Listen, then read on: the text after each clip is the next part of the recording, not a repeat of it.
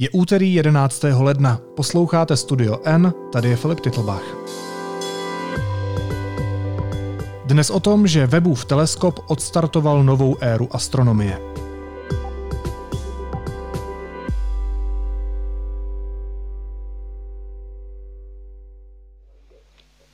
Dix, neuf, huit, sept, six, cinq, quatre, trois, deux, unité, top. And we have engine start. And liftoff. Décollage. Decollage, liftoff from a tropical rainforest to the edge of time itself. James Webb begins a voyage back to the birth of the universe. Punching a hole through the clouds, 20 seconds into the flight, good pitch program reported. Vědcům z americké vesmírné agentury NASA se podařilo napnout sluneční štít a rozevřít zrcadla teleskopu Jamesa Webba. Složenýho z odpalovací rampy Kourou ve francouzské Guajáně vynesla raketa na konci prosince. Je to největší a nejvýkonnější teleskop, jaký kdy lidstvo do vesmíru vypustilo. A budu se o něm bavit s vědeckým novinářem deníku N Petrem Koupským. Petře, vítej, ahoj. Ahoj Filipe.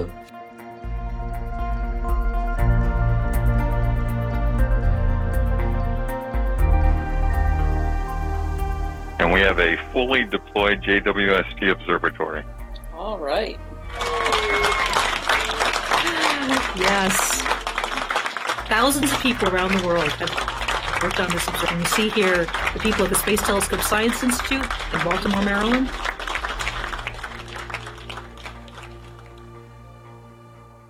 Jak složitá a náročná operace byla vymyslet, sestavit, poslat do vesmíru a rozložit Webův teleskop?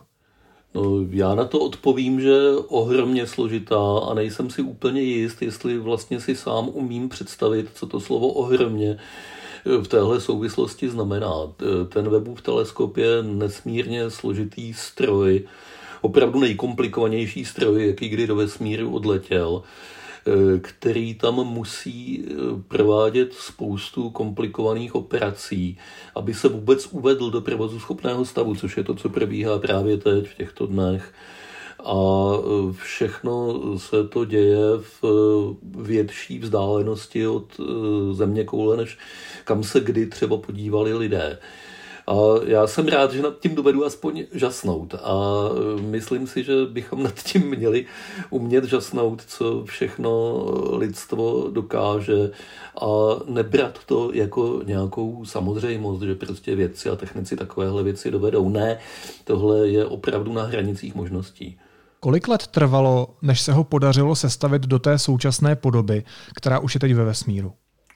No, záleží na tom, od kdy se to počítá. Myslím si, že nejzřetelnějším datem, od kterého nastartovat počítání, odpočítávání vývoje webova teleskopu je rok 1996, takže to je 25 let. Takže to je tři roky po tom, co jsem se narodil, to je docela dlouhá doba. Jak se to vezme, no mně to nepřipadá jako dlouhá doba, jak dlouho ty seš na světě, ale to je uh, relativita pohledu podle věku.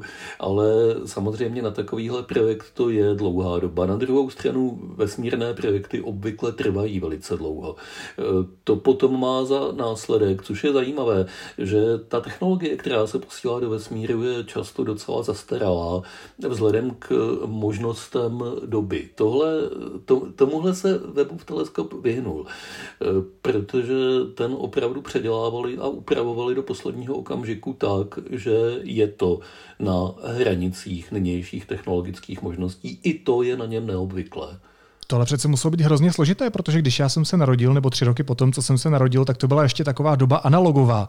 Moc ještě neletěly žádný počítače, žádný mobily a najednou tam posíláme jeden z nejmodernějších strojů dnešní technologie. To znamená, že se to každý rok muselo přepracovávat. Skoro to tak je, přepracovávalo se to několikrát velmi zásadně a v maličkostech určitě skoro každý rok. Proto taky to bylo nejenom tak zlouhavé, ale taky nesmírně drahé. Ten teleskop eh, stál 20krát tolik, než eh, kolik se původně předpokládalo. Ten původní odhad byl půl miliardy dolarů, i to je docela dost peněz. A eh, nakonec to stálo asi 10 miliard dolarů a to se do toho nezapočítávají ještě náklady na budoucí provoz, které budou taky veliké. Ty jsi spočítal, že těch bezmála 10 miliard dolarů se rovná třeba výdajům českého státního rozpočtu za 6 týdnů, tržbám společnosti Apple za 10,5 dne, anebo léčení všech případů malárie celosvětově po dobu jednoho a půl roku. Proč podle tebe potřebujeme vědět, co jiného si můžeme koupit za 10 miliard dolarů? Proč je potřeba ty náklady na vědu pořád tak moc obhajovat? Nebo z mého pohledu pořád tak moc obhajovat, když si vezmeme, kolik věcí za takové prachy neobhajujeme? To je dobrá otázka. Já jsem tam tohleto srovnání eh, připsal z toho důvodu, že v dnešní době tyhle ty výdaje jsou kontroverzní. Nás to tady třeba tolik nepálí, protože to nešlo z naší kapsy, ale ve Spojených státech se podobné eh, záležitosti diskutují velice důkladně, diskutují se i v bohatých zemích Evropské unie, ve Francii, v Německu. To jsou země, které nesly větší část nákladů z veřejných rozpočtů na tuhle tu misi. A lidi se samozřejmě ptají, máme tady spoustu aktuálních problémů k vyřešení, dejme tomu tu malárii v Africe, proč vydávat peníze na něco, co nepřinese bezprostřední užitek, protože je pravda, že kvůli misi webová teleskopu skutečně se e, neuzdraví žádný další člověk ani z malárie, ani z ničeho jiného, ani to nepohne třeba s klimatickou změnou, nezlevní energie, nevyřeší žádnou z těch věcí, které nás teď e, akutně trápí. Takže já si myslím, že ta otázka daňového poplatníka je vlastně legitimní. Proč se na tohle mají dávat peníze? A odpověď není zas tak úplně jednoduchá a samozřejmá, jak by se mohla zdát. Ono by se mohlo zdát, že vědecký pokrok ospravedlňuje sám sebe, že je to samozřejmost.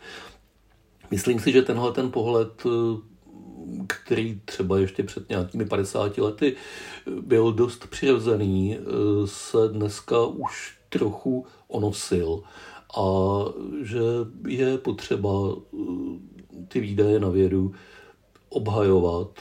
A v mém případě mým vlastním přemýšlením, mou hloupou hlavou, ta obhajoba zní tak, že jako živočišný druh my lidé prostě máme nejenom potřebu, ale jakousi i povinnost, poslání zkoumat svět a že když to nebudeme dělat, tak se tomu poslání nějak věříme. Tohle zní hodně metafyzicky samozřejmě, ale přesto bych na tom trval. Jasně, životy to nezachrání, ale z nějakého důvodu přece ten teleskop do vesmíru posíláme. Tak jak konkrétně lidstvu pomůže, nebo v čemu pomůže a co pochopit? Co si od něj slibujeme? Ono je toho hodně, co může zjistit právě proto, že je technicky velice vyspělý a velice důkladný. Já bych možná začal trošku oklikou a vysvětlil, co vlastně bude měřit. A z toho se dostaneme určitě k odpovědi na tu základní otázku, proč a co má vyskoumat. Když se řekne teleskop, tak si představíme dalekohled, do kterého se dá koukat. To je správně vysvětlený význam toho slova, ale astronomie eh, pozoruje mnoho, nebo může pozorovat mnoho zajímavých věcí nejenom v té oblasti viditelného světla, které vnímají naše oči, ale i v jiných oblastech záření. Webův teleskop je zaměřený právě na jinou oblast záření, a to na infračervené záření, což eh, je to, co má eh, to, co je červenější než červená, to naznačuje konec konců ten název. Eh, infračervené záření známe jako tepelné záření. Když něco nesvítí, ale vydává to teplo, rozpálená kamna třeba, tak svítí v infračervené. Ve vesmíru je spousta tepelného záření, které okem nemůžeme vidět ale e, přesto mapuje, popisuje e, nejrůznější vesmírné objekty. Tady ze Země se dá to infračervené záření pozorovat velice špatně, protože ho pohlcuje atmosféra. Proto je mnohem výhodnější poslat takové zařízení, které to snímá do vesmíru, kde ta atmosféra nepřekáží, kde nepřekáží ani teplo vydávané objekty kolem nás eh, někam do toho kosmického mrazu. To je právě základní myšlenka webova teleskopu. A teď se konečně můžu dostat k tomu, co má naměřit. Eh, to, co si od něj vědci především slibují, je dohlédnout do vzdálené minulosti vesmíru.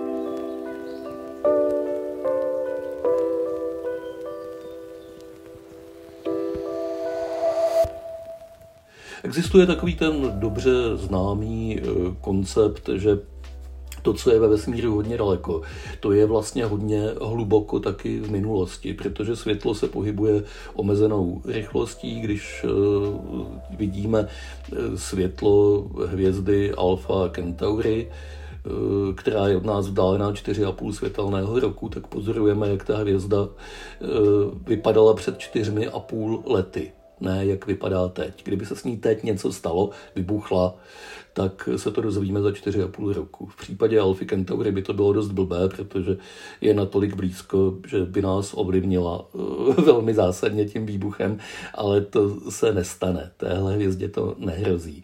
Jenom na tom chci ukázat ten princip, že vzdálenost rovná se minulost. A velice velká vzdálenost ve vesmíru, eh, miliardy světelných let, Eh, se rovná minulosti, která je blízko počátku vesmíru. Stáří vesmíru se odhaduje na necelých 14 miliard let a když dokážeme pozorovat objekty, které jsou opravdu hodně vzdálené, tak pozorujeme vlastně ten velmi mladý vesmír, tak, jak vypadal tehdy tak, jak vypadá tehdy, protože z hlediska toho vzdáleného objektu je to jeho současnost. Což je ohromně lákavé, protože vědci pořád nemají úplně jasno v tom, jak to bylo s velkým třeskem a jak to bylo bezprostředně po něm. A tohle může ten Webův teleskop zase objasnit o hodně lépe, než se to podařilo dosud. Jak o tom mluvíš, tak mi připadá, že by se ti hodil předpřítomný čas, který má angličtina. To by se určitě hodil, to by bylo, to by bylo vynikající. On z češtiny vymizel někdy před eh, několika sty lety eh, a kdyby byl býval ještě k dispozici, tak by to bylo možná srozumitelnější, ale dneska už ne, protože jsme od něj odvykli. V jaké části vesmíru bude Webův teleskop pracovat? To je taky zajímavá věc. To, kde eh, bude umístěna, kam brzy doletí, je takzvaný Lagrangeův bod L2, E, soustavy Země Slunce. Takhle to technicky, takhle to technicky zní. E, v soustavě dvou vesmírných těles velkých, obíhajících kolem sebe, jako je Země a Slunce, e, se vyskytuje pět bodů, kde jsou jejich gravitační síly a odstředivá síla působící na ten obíhající objekt, na ten menší, tedy na Zemi v tomhle případě v rovnováze. A těch pět rovnovážných bodů se pohybuje vesmírem pořád ve stejné poloze, ve stejné vzdálenosti k těm dvěma velkým tělesům. Čili když se díváme na bod L2, ze Země, tak ho vidíme pořád na tom samém místě na obloze. Právě v tom bodě L2 bude Webův teleskop zaparkovaný, tím pádem nebude vědcům poletovat po obloze sem a tam, bude ve fixním místě, bude opravdu na parkovišti. A výhoda toho bodu L2 je v tom, že je stíněn zemí od slunce, takže tam nepřekáží sluneční záření skoro vůbec, aby nepřekáželo vůbec, proto má ten sluneční štít, o kterém jsem mluvil na začátku. A tím pádem je v ideální uh, poloze a v ideální situaci právě pro pozorování toho infračerveného záření, které by jinak bylo tím sluncem silně přesvíceno. Takže chápu to správně tak, že je to bod, ze kterého k sobě to těleso nepřitáhne gravitační síla Slunce ani Země, protože tam jsou v rovnováze?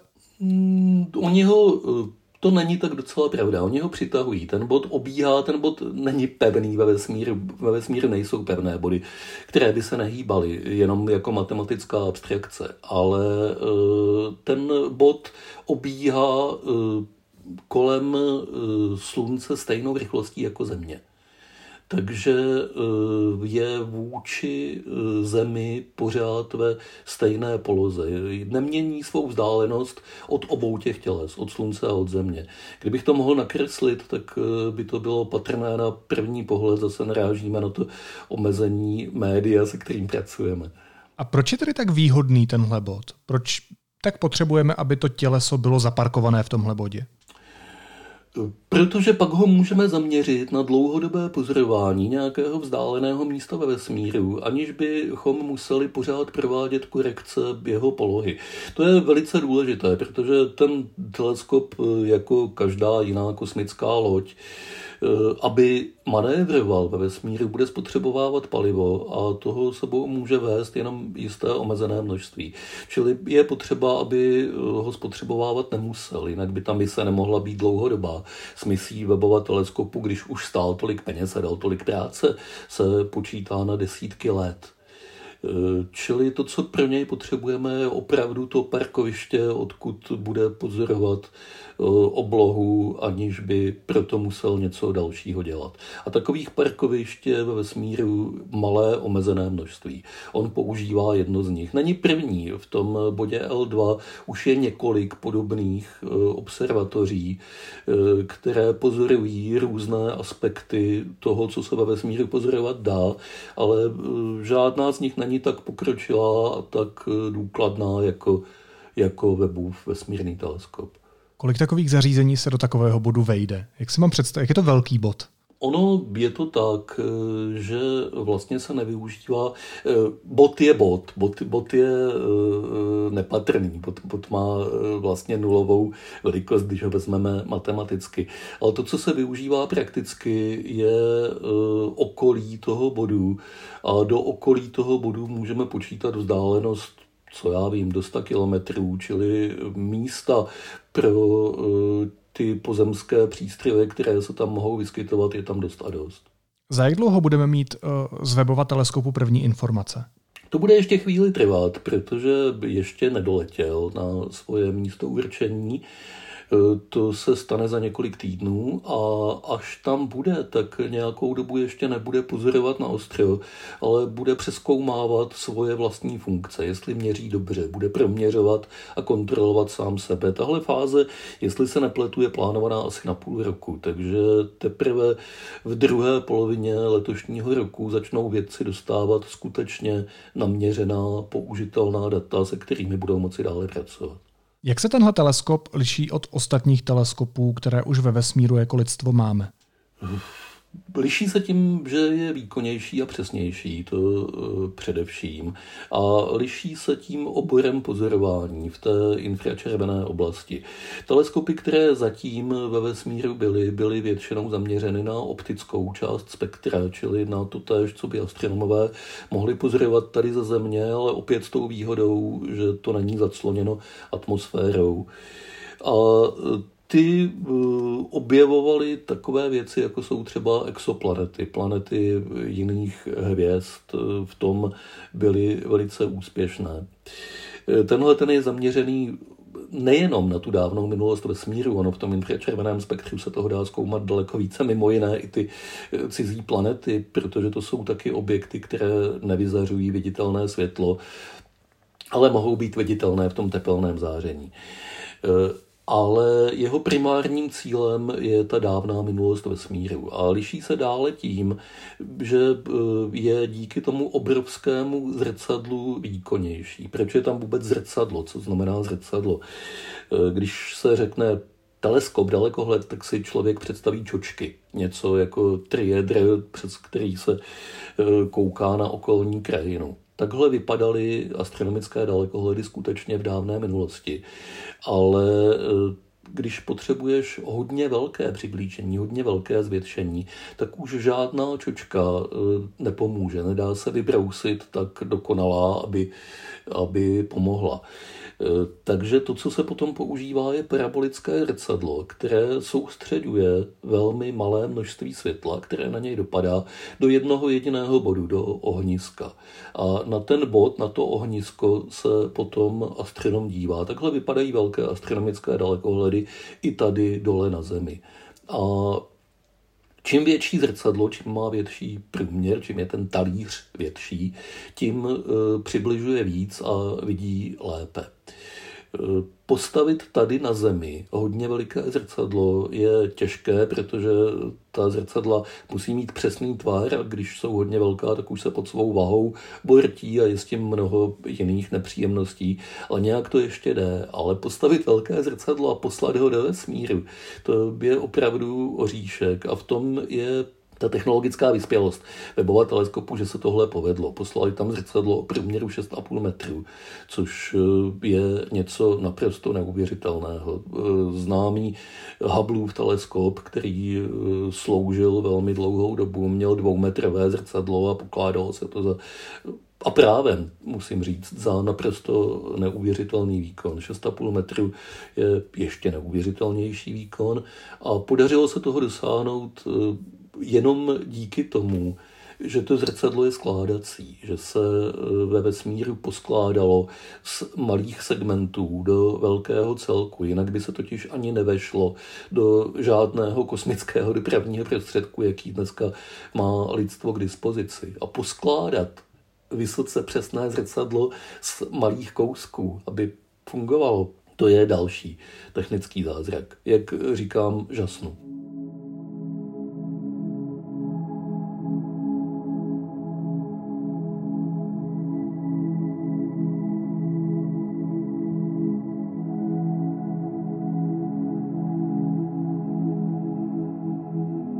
Já jsem říkal, že ten tým, který ovládá teleskop Jamesa Webba, dokončil tu důležitou etapu mise, kdy se mu právě podařilo rozvinout celý ten sluneční štít, rozložit ta zrcadla. Byl to ten nejnáročnější úkol, oddechli si úplně, anebo je čeká ještě nějaká těžká, možná nejistá část, jestli celá ta věc vyjde? Já bych řekl, že to nejhorší mají za sebou. Ta nejnáročnější část nebo nejnapínavější byl samotný start.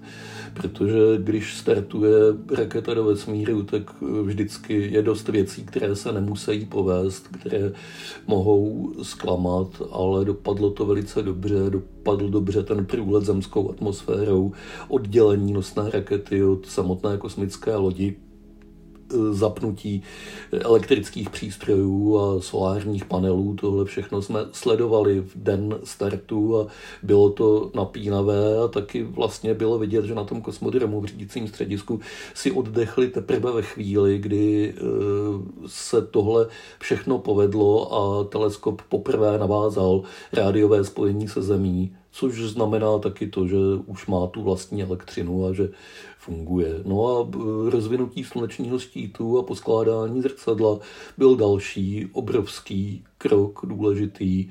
A teď už by to mělo být docela dobré, protože ty další kroky už tak e, napínavé a složité nejsou. Opravdu si myslím, že to nejhorší mají za sebou. Tak já klepu na dřevěný stůl, aby to bylo v pohodě, aby už nic neselhalo, ale říkáš tedy, že to ještě není ta finální fáze.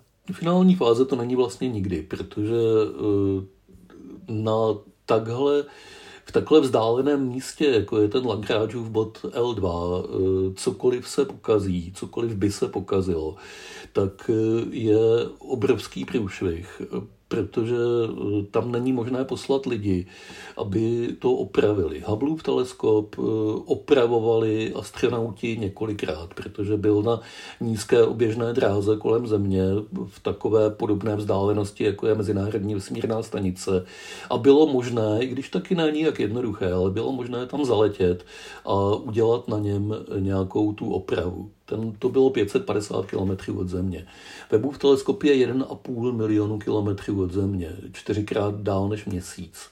Tam se se současnými technologiemi zaletět a opravovat ho nedá. Čili eh, je to napínavé, bude to napínavé každý den, jestli se tam něco nepokazí. Kdyby se to stalo, tak eh, možnosti, jak to napravit, jsou velice omezené. Jsou jenom na technologii toho samotného teleskopu. A kdyby to byla mechanická závada, tak je to průšvih, protože ruce, aby se sám upravil, nemá to bylo právě to, co se dělalo na tom Hubbleovi, že tam bylo potřeba něco upravit, utáhnout, třeba jenom otočit eh, šroubovákem, ale nebyl, kdo by to udělal, dokud tam lidi nezaletěli. Promiň mi úplně laickou otázku, ale proč se to nedá? Proč dokážeme na určité místo dostat teleskop, ale nejsme schopni tam dostat člověka? V čem je ten rozdíl? Je to moc daleko.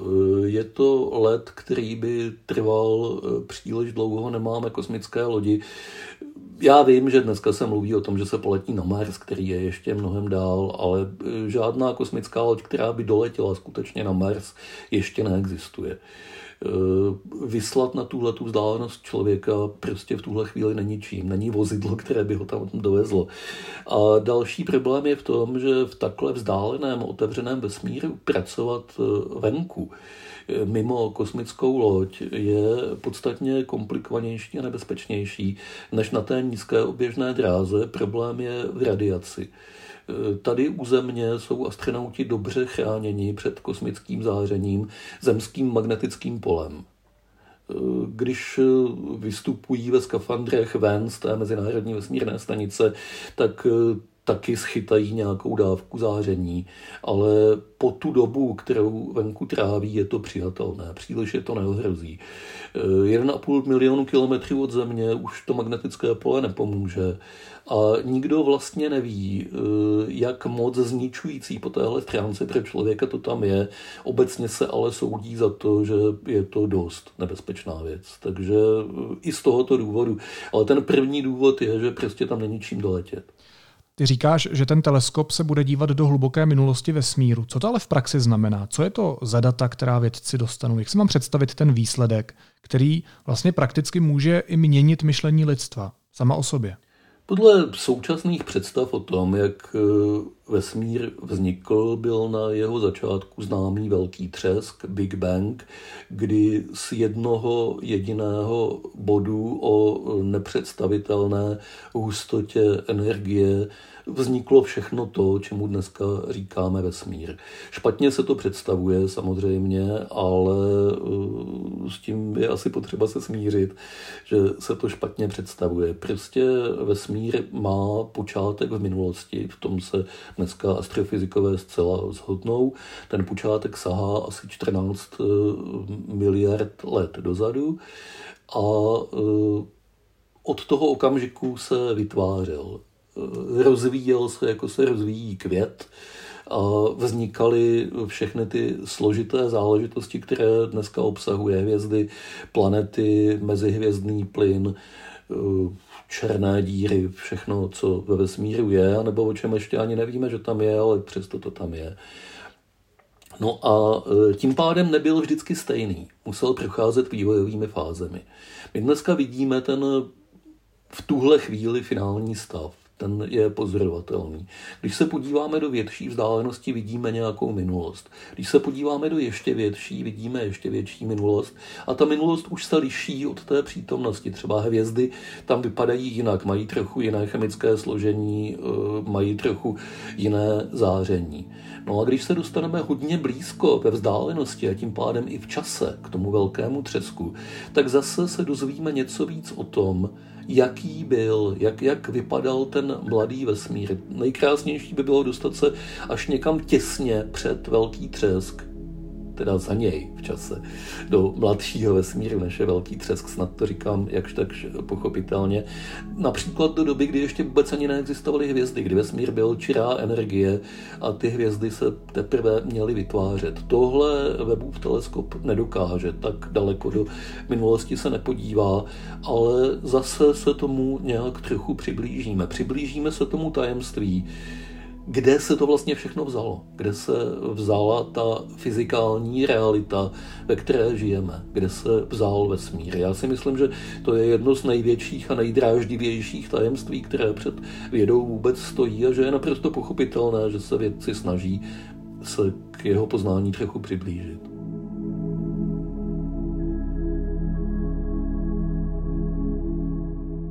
Takže to, co říkáš, znamená, že třeba jednou díky technologiím budeme schopni vidět v minulosti v reálném čase, opět by se mi hodil ten předpřítomný čas, velký třesk samotný, anebo tu fázi před tím velkým třeskem?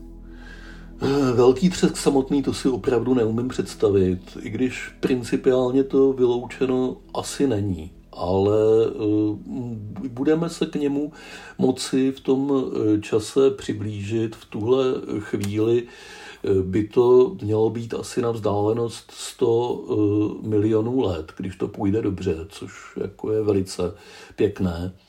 A časem třeba i trochu víc. Prostě to, co dneska víme o tom vývoji velmi raného vesmíru, to je teorie, to je matematika která říká, jestliže vesmír dneska vypadá takhle a jestliže na jeho počátku budeme předpokládat ten velký třesk, tak ta první fáze musela být nejspíš takováhle. Ale není to pozorováním ověřeno když by se to podařilo aspoň trochu ověřit, tak možná vyjde najevo, že si to ta fyzika nepředstavuje v tuhle chvíli úplně správně a že bude potřeba ji nějak korigovat. To by byla velká a zajímavá věc. Co by to mohlo způsobit? My pořád ještě nevíme strašnou spoustu věcí o podstatě reality. Jo, lidstvo má pokročilou fyziku k dispozici nějakých 150-200 let. Možná ani to ne, záleží na tom, čemu říkáme pokročilá fyzika. Na začátku 20. století ještě existence atomu jako takového byla neověřená hypotéza. Nevědělo se, jestli opravdu se veškerá hmota skládá z atomů a pokud ano, tak co to slovo atom znamená. Od té doby jsme došli k poznání, že atomy se skládají z protonů, neutronů a elektronů, že protony a neutrony v jádru atomu nejsou finální struktury, ale že se sami ještě skládají z kvarků a e, že to všechno se řídí nějakými zákonitostmi kvantové fyziky, která se úplně liší od e, té makrofyziky, kterou pozorujeme okolo sebe v každodenním životě, že když něco upustíš, tak to upadne, když do něčeho šťouchneš, tak se to chvilku kutálí a pak to zastaví, to všechno, co známe a nic z toho v tom kvantovém světě neplatí. Neplatí ani to, že předmět je pořád na jednom místě, eh, protože v kvantovém světě je pravděpodobnostně rozmazaný a tak dále a tak dále. Tohle je hluboká struktura světa, k jejímuž poznání se blížíme. A ono se k ní dá blížit i z toho druhého konce, čili nikoli tím, že se díváme na pořád menší věci, atomy a to, co je menší než atomy, ale i, že se díváme na ty největší věci, to znamená vesmír jako celek a vesmírné objekty fyzika dobře rozumí tomu, co je mezi tím, co je v asi tak velké velikosti, jako je bakterie nebo člověk nebo země koule. To je dobře popsané. Ale všechno, co je o hodně větší nebo o hodně menší, tak je trošku ještě záhada, trošku je v mlze. A hlavně potřebujeme nějak sjednotit popis těch hodně velkých věcí a popis těch hodně malých věcí. Pro tyhle popisy dneska máme když to malinko přeženu, ale jenom malinko, dvě fyziky, které spolu tak docela dobře nejdou dohromady. Ta jedna fyzika pro ty velké věci, to je obecná teorie relativity, Einstein. Ta fyzika pro ty hodně malé věci, to je kvantová fyzika. A e, tam, kde by se měli navzájem propojit, a markantním příkladem potřeby takového propojení je právě ten velký třesk, e, tam nám to nefunguje, tam nám to nejde dohromady tam je zjevné, že vědci něco velice podstatného ještě nevědí, něco velice podstatného přehlížejí. A e, to by bylo velice dobré vyjasnit. To je vlastně největší fyzikální záhada dneška. Jaká je skutečně podstata reality, když bychom ty dílčí poznatky, které máme a které se zdají nezapadat do sebe, do sebe dokázali konečně nějak poskládat já jsem s tebou jako ve vesmíru zabloudil s těmi otázkami někam daleko, tak se zkusím vrátit zase zpátky. My jsme se bavili, nebo začínali jsme o vesmírném teleskopu Jamesa Webba. Kdo je James Webb? James Webb eh, byl vlastně úředník, když se to tak vezme, vysoký americký státní úředník, který působil na eh, více eh, postech v administrativě a teleskop se po něm jmenuje z toho důvodu, že eh, tím posledním a nejvýznamnějším jeho postem eh, bylo to, že byl druhým ředitelem NASA v historii Národního úřadu pro astronautiku a eh, letectví. A byl tím ředitelem v době, kdy americký kosmický program doznal největšího rozmachu v 60. letech kdy vlastně od eh, začátku, skoro od nuly, se američané během deseti let dostali k tomu, že dostali člověka na měsíc. A pod ředitelováním tohoto pana Weba se se tohle všechno odehrálo, čili jeho zásluha na tom, že manažersky tohle dokázal zajistit, se odrazila v tom pojmenování. Já se ještě jednou otázkou, promiň, zamýšlím se pořád nad jednou věcí, které nerozumím uh, v tom fungování teleskopu. Uh, co, co se vlastně dozvíme za informace? Pošle nám ten teleskop čísla, fotky, souřadnice, nebo z čeho poznáme, jak ten vesmír vypadal? Pošle nám v podstatě fotky. Pošle nám, uh, kdybychom měli oči, které umí vidět v infračervené, a takové oči si můžeme snadno pořídit tím, že si pořídíme eh, vojenský přístroj pro noční vidění, eh, který se prodává v každém army shopu eh, za nemoc peněz, tak bychom viděli i tu oblohu v infračervené a viděli bychom tam najednou jiné další hvězdy a jiné další mraky, objekty, což by byly mraky hvězdného plynu. A tohle všechno bude ten teleskop pozorovat s obrovskou přesností, obrovským rozlišením a tím pádem nám změní mapu hvězdné oblohy tak, jak ji známe teď a tak, jak ji znají astronomové, kteří ji znají lépe a důkladněji eh, než my, tak se dál zpřesní a ukážou se na ní objekty, které dosud nebyly vidět. Těmi dosud neviděnými objekty budou hlavně ty nejvzdálenější galaxie, a ty galaxie, které jsou nejvzdálenější, ty jsou od nás taky nejdál v tom čase. To je to, co se dozvíme. Dozvíme se, kde jsou a dozvíme se, jak vypadají, z jakých hvězd se skládají, jak ty hvězdy září, jaké je jejich spektrum, z toho se dá poznat, eh, jakým poměrem vodíku a helia jsou tvořeny. To je o hvězdě velice důležitá informace, která vypovídá o tom, v jakém eh, vývojovém stádiu se nachází. Tohle všechno se z teleskopu dozvíme. No a myslíš, že se díky tomu podaří vysvětlit ten rozpor ve fyzice, který se popisoval? A nebo to nedokáže ani dneska nejpokročilejší technologie, protože i ta má svoje limity? Eh, aby na to vznikla definitivní odpověď, na to určitě Webův teleskop a jeho pozorování stačit nebudou. Nejenom, že na to nestačí ta nejpokročilejší technologie, nestačí, ale nestačí na to ani invence lidí, kteří nad tím přemýšlejí. To, co eh, je tady potřeba, to sjednocení té fyziky velmi velkých věcí a velmi malých věcí, o kterém jsem mluvil, to vyžaduje zřejmě nějaký další nový geniální vhled, který předběhne svou dobu. A takových věcí se ve fyzice stává velice málo a velice vzácně. Když Einstein v roce 1905 formuloval základy eh, kvantové teorie svým vysvětlením eh, fotoelektrického jevu a když o deset let později formuloval obecnou teorii relativity, tak předběhl svou dobu. Fyzikové se dneska zhodují na tom, že minimálně o 100 let. Čili nějak skočil myšlenkově tak nějak do dnešní doby. A to se prostě stává vzácně, takže potřebujeme nějakého dalšího Einsteina. Ale aby mohl na ten geniální nápad přijít, tak potřebuje data, potřebuje pozorování. Tak jako je tehdy potřeboval Einstein s měřením, která probíhala, pro která nebylo vysvětlení. A k tomu ten teleskop může velice zásadně přispět.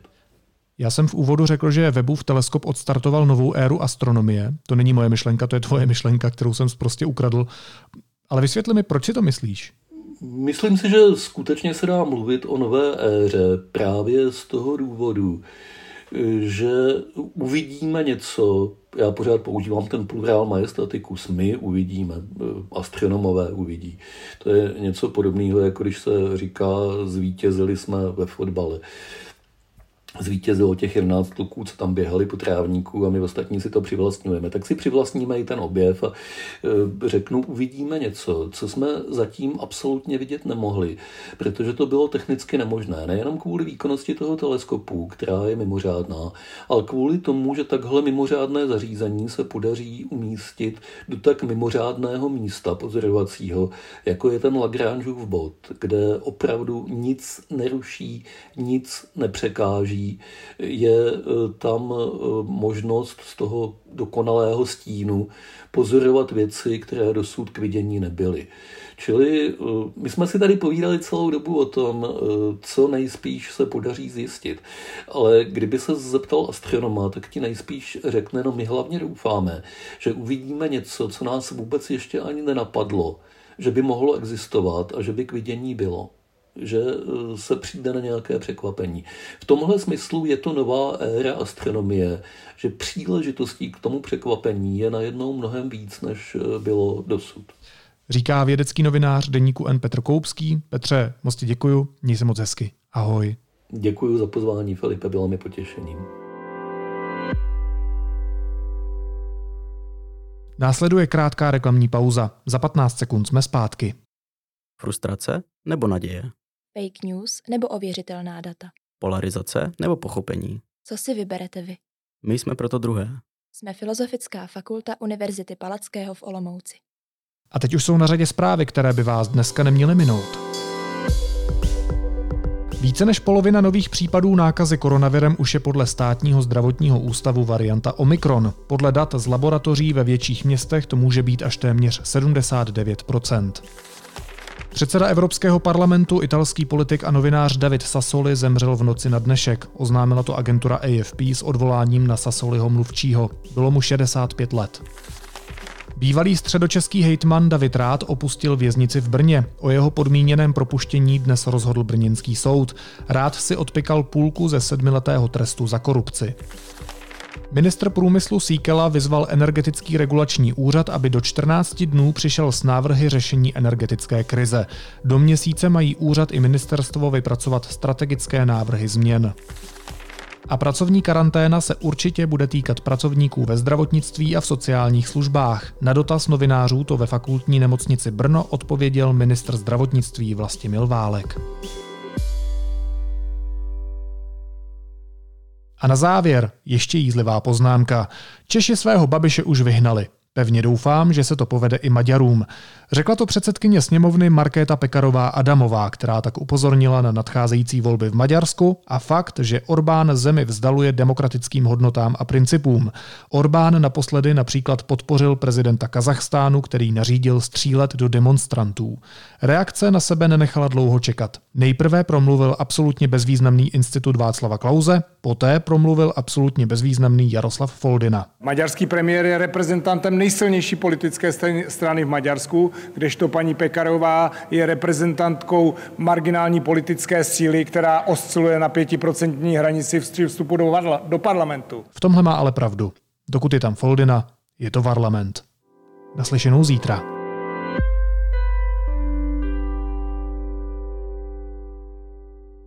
Chcete investovat do nemovitostí, ale nemáte na účtě miliony? Vyzkoušejte Investown, který používá už 30 tisíc spokojených klientů. Investown je bezpečné investování do nemovitostí pro každého a už od pětistovky.